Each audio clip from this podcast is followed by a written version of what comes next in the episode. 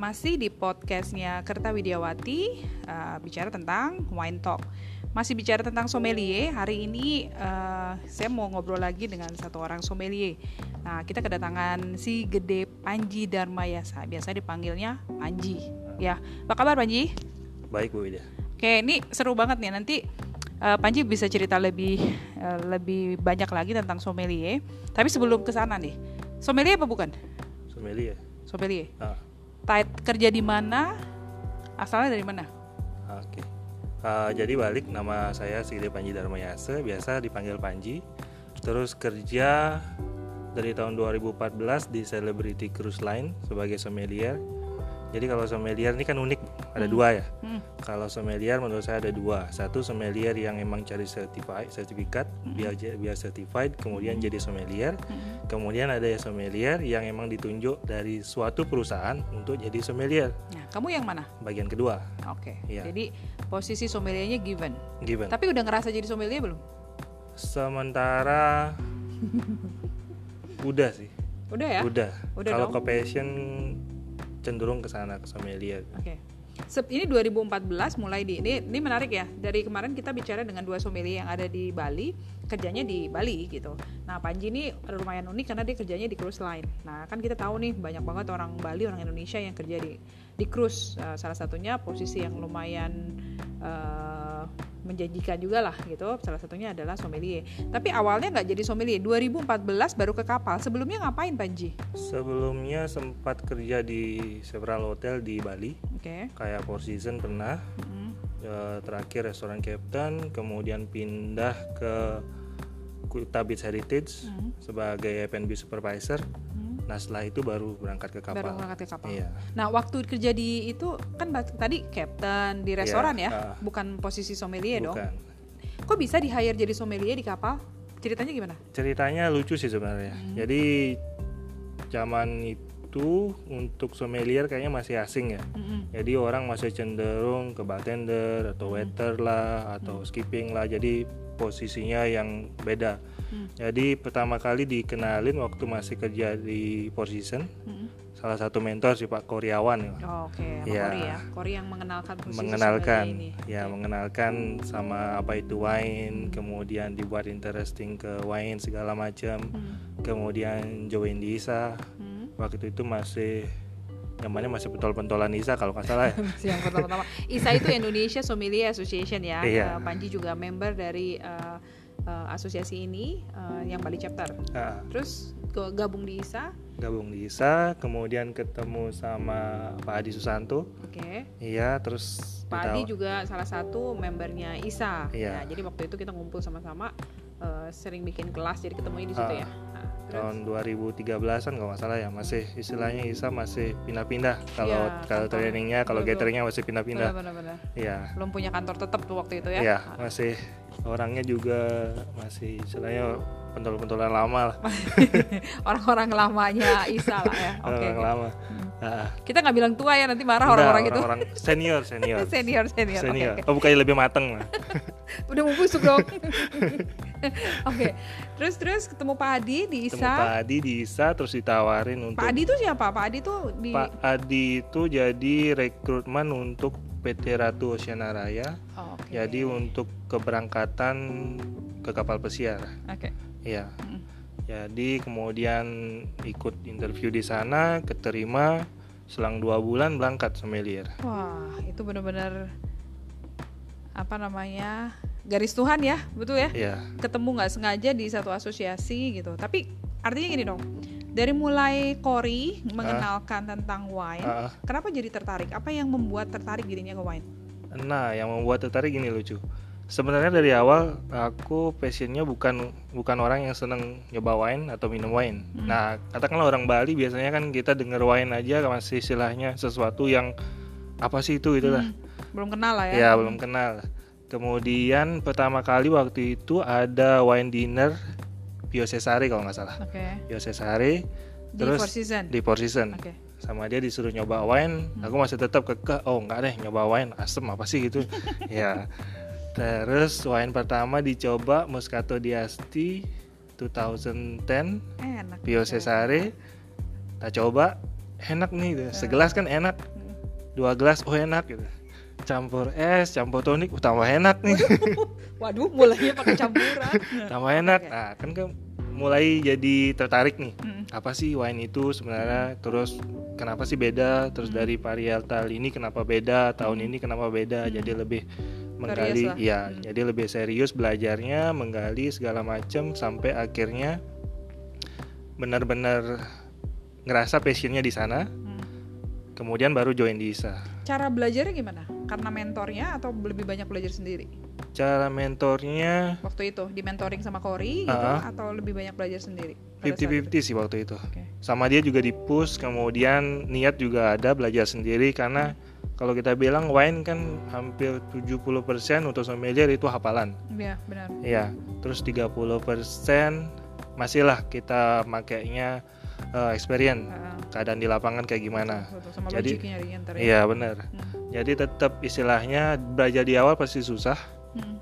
terus yang penting niat sih sebenarnya Hmm. niat cuma biar pengen oh masa sih nggak bisa nggak bisa belajar jadi semakin belajar semakin ngerasa nggak tahu Hmm. Jadi semakin interest buat belajar lagi semakin ngerasa bodoh lagi lagi semakin belajar lagi, jadinya berhenti berhenti. iya Benar jadi ya? keterusan Jadi awalnya berarti benar-benar ke passion sendiri ya. iya Dan kebetulan dapat mentor yang bisa juga mendrive gitu ya, mendorong juga untuk bisa belajar.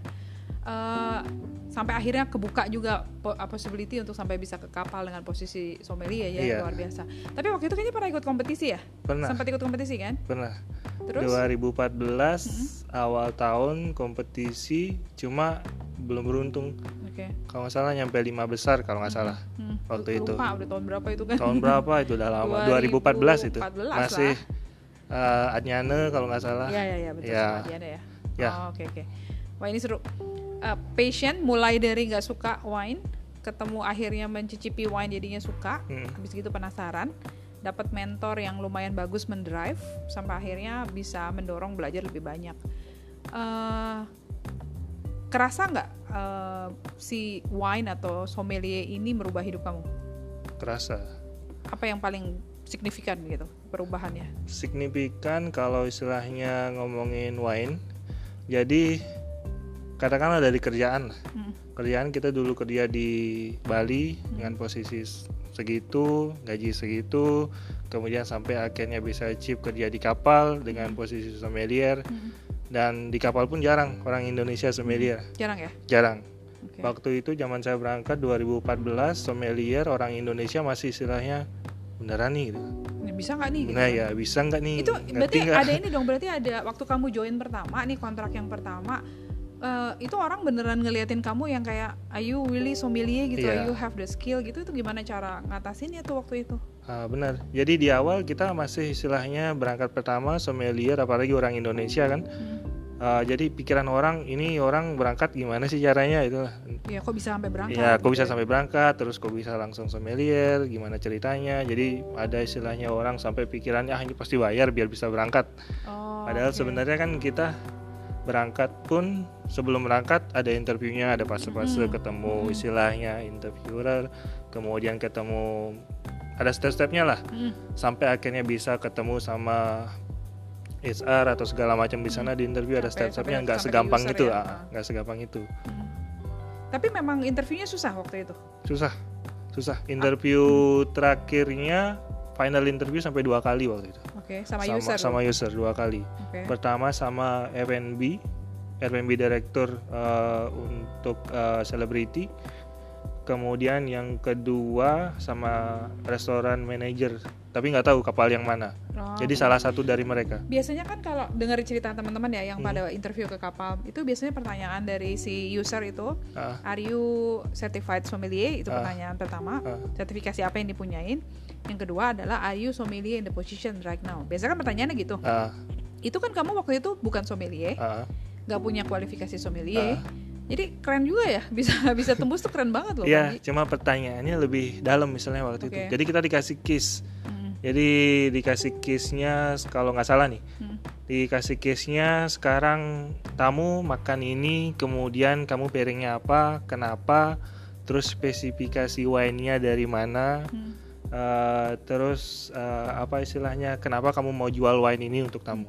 Itu kayak pertanyaan kalau kompetisi ya. Ya, sebenarnya itu. Bener nggak? Nah, Teman-teman ini serius banget ya. Kita di di ISA setiap tahun tuh kita ada sommelier competition. Nah, sommelier competitionnya kita itu mulai dari chapter Bali sampai nanti ke nasional. Jadi uh, naik ke level Indonesia, nanti baru naik ke internasional ya, mulai Southeast Asia, Asia Oceania sampai yang world competition. Itu uh, kebanyakan kan banyak yang dilakukan dalam kompetisi adalah challenge challenge kayak tadi. Hmm. Jadi sebetulnya uh, tanda kutip pengalaman di interview itu seperti uh, apa namanya aktivitas pada saat kita kompetisi ya. Iya. Jadi kita somehow udah kayak oke I'm ready nih, udah Ah. biasa nih ngandelin beginian. Bener kerasa banget Iya, ya itu. jadi kan udah prepare sebelum-sebelum itu karena kita udah belajar, apalagi kan baru habis kompetisi waktu itu kan masih Iya, fresh. Bener, masih ingat udah banyak iya. harus belajar. Nah, Oke, wah keren keren. Terus uh, pasti ya tadi berubah ya, berubah hidup banget nih. ah, Coba kalau seandainya hari itu nggak nggak nggak handle, mungkin masih tetap handle wine dinnernya Pioce Sare, Ah. tapi nggak minum wine-nya, Ah. tidak menikmatinya, nggak nemu sampai yang dicampur macam-macam itu, Ah. Sampai jadi patient. Mungkin hari ini Panji masih tetap ada di Bali dan kerja di hotel-hotel yang ada di Bali aja. iya. Betul. Kayaknya segitu. Jadi benar-benar bagaimana uh, wine, uh, bagaimana si sommelier position ini uh, apa namanya merubah merubah kehidupan. Ah, Bener nggak? benar. Oke. Ada tips nggak nih sekarang buat teman-teman yang baru mau punya passion buat Ah. belajar? Tips biar uh, bisa kayak Panji deh, Ah. nggak punya kualifikasi, tidak pada posisinya, tapi bisa menjual diri, kasarnya Ah, tanda ah, kutip ya, ah. menjual diri sampai akhirnya bisa diterima interview di di perusahaan asing gitu, Ah. di cruise line dengan posisi sommelier, langsung sommelier ya? Langsung sommelier. Langsung sommelier lagi Iya. posisinya, keren banget. Ada tips nggak cara mereka belajarnya kayak gimana? Kalau sebenarnya tipsnya dari kita sendiri sih ya. Hmm? Kadang kadang ada orang bilang kalau misalkan kita punya mimpi nggak apa-apa mimpi aja yang penting jangan lupa bangun. Iya, Iya. tidur terus dong. Iya tidur terus nggak kejadian kan. Udah. Jadi istilahnya eh, kita boleh mimpi setinggi tingginya yang penting untuk balance mimpinya itu tetap belajar tetap karena wine kalau saya sih menurut saya hafalannya banyak apalagi baru-baru mau belajar bosennya ada di sana terus istilahnya jenuhnya di sana kalau nggak di dikontrol ya berhenti kalau di, bisa dikontrol bisa terus maju itu istilahnya kan ya majunya pelan-pelan tapi terus tetap maju pokoknya. Iya, ya. terus karena begitu kita sampai di kapal pun kita juga tetap kompetisi. Dalam artian kita bersaing dengan satu kapal itu sekitar 20 sommelier. Oke. Ya, dan mereka pun bukan orang Asia dominan, Hmm. kebanyakan Eropa. Oke. Ya, jadi kita bersaing dengan orang yang emang dari kecilnya ketemu pohon anggur, Sudah in their blood lah ya. Wine Ya. is already in their blood gitu. ya sudah di darahnya istilahnya. Jadi kita harus bersaing dengan mereka karena pun sampainya di kapal, kita harus bisa nonjolin diri sendiri karena di kapal kita pun dites. Hmm. dites Begitu sama nyampe. ya cellar masternya atau head sommeliernya Hmm. uh, istilahnya kemampuan sampai di mana Hmm. terus bisa kontak wine tasting nggak Oke. ya. Jadi waktu itu pertama kali baru dateng dua minggu Hmm. dites kontak wine tasting pertama champagne tasting waktu itu Oke. ya cuma jeleknya kalau sekali kontak ya terus setiap Ya, oke. setiap kontrak tahan tahan kena. yang bagian itu tahan karena Ah. abis ini saya bikinin episode khusus khusus untuk eh, Panji ceritain apa aja sih gimana sih kehidupannya sommelier di kapal Hmm. ini penasaran perbandingan gak usah disebutin angkanya Mm-mm. perbandingan antara gaji di darat di Bali sama gaji di kapal berapa kali lipat teng tong teng tong kalau ngitung duit ya lama ya. Waduh, kalau ngitungnya lama berarti jumlahnya banyak banget ya guys. Uh, bisa lima enam. Tiga sampai lima kali lah. Tiga sampai lima kali. Dari ya kerjaan dari di Bali. kerjaan di Bali. Ya. Tapi dari sisi bobot pekerjaan, berapa kali lipat dari bobot pekerjaan di Bali juga? Nah, biar balance dong. bobotnya dua kali lipat lah Oke. bobot- nggak nggak seburuk itu Oh, enggak seburuk itu. nggak seburuk Oke, itu. Oke, oke. Nanti kita kita bahas yang bagian soalnya dengar cerita kalau orang di kapal kerjanya wah parah banget gitu ya. Nah. Jadi, dua kali lipat uh, beban pekerjaan daripada di darat di di Bali. Tapi bisa dapetin 3 sampai 4 kali gaji uh, berdasarkan tadi posisi sommeliernya. Wah, keren banget. Oke, segini dulu ya Panji ya. Uh, tadi uh, ada tips yang uh, keren banget dari Panji bahwa motivasinya harus datang dari sen- diri sendiri dulu karena balik lagi kita yang harus maintain passion kita mau sampai mana. Mau terus belajar atau belajar di tengah-tengah terus berhenti gitu ya. Dan ada lagi yang paling penting tadi kata Panji, ketika kita belajar kita tahu ada hal yang kita nggak tahu itu mendorong kita untuk belajar lebih banyak lagi. Iya. Jadi Te- Artinya ya nggak ada pilihan, motivasinya musik kenceng, belajarnya harus diniatin uh, untuk bisa dapetin sukses yang sama kayak Panji. Hmm. Oke, thank you so much ya Panji ya. Sama-sama. Sukses terus, mudah-mudahan bisa cepat berangkat lagi nih. Iya, makasih. Oke, bye. Uh, masih di uh, Wine Talk-nya uh, Hatan Education Center by Kerta Widiawati. Sampai episode berikutnya.